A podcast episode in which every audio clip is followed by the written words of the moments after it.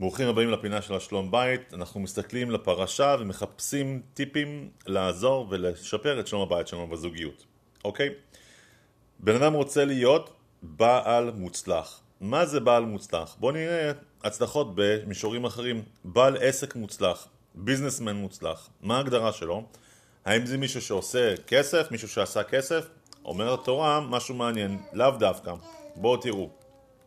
פרשת מסעי ויסעו מאלים ויחנו על ים סוף ויסעו מים סוף ויחנו במדבר סיהין ויסעו ממדבר סיהין ויחנו בדופקה וכו' וכו' וכו' התורה חוזרת על כל המסעות.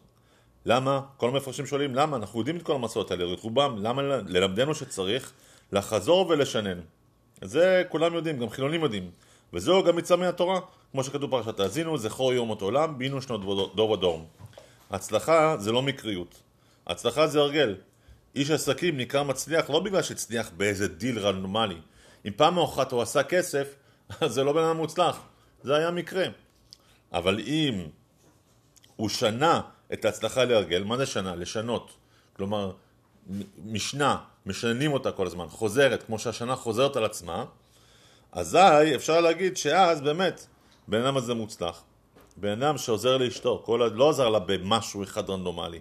אלא עוזר לה כל הזמן, נותן לה מחמאות גם, כשהיא, גם, גם כשלא נוח לו. זה בעל מוצלח. בעל מוצלח חוזר ושונן ונותן באופן מתמיד וגם כשלא נוח לו. חזק וברוך.